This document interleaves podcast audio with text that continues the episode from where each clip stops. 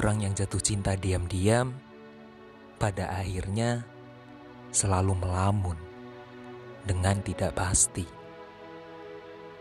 Memandang waktu yang berjalan dengan cepat dan menyesali semua perbuatan yang tidak mereka lakukan dulu.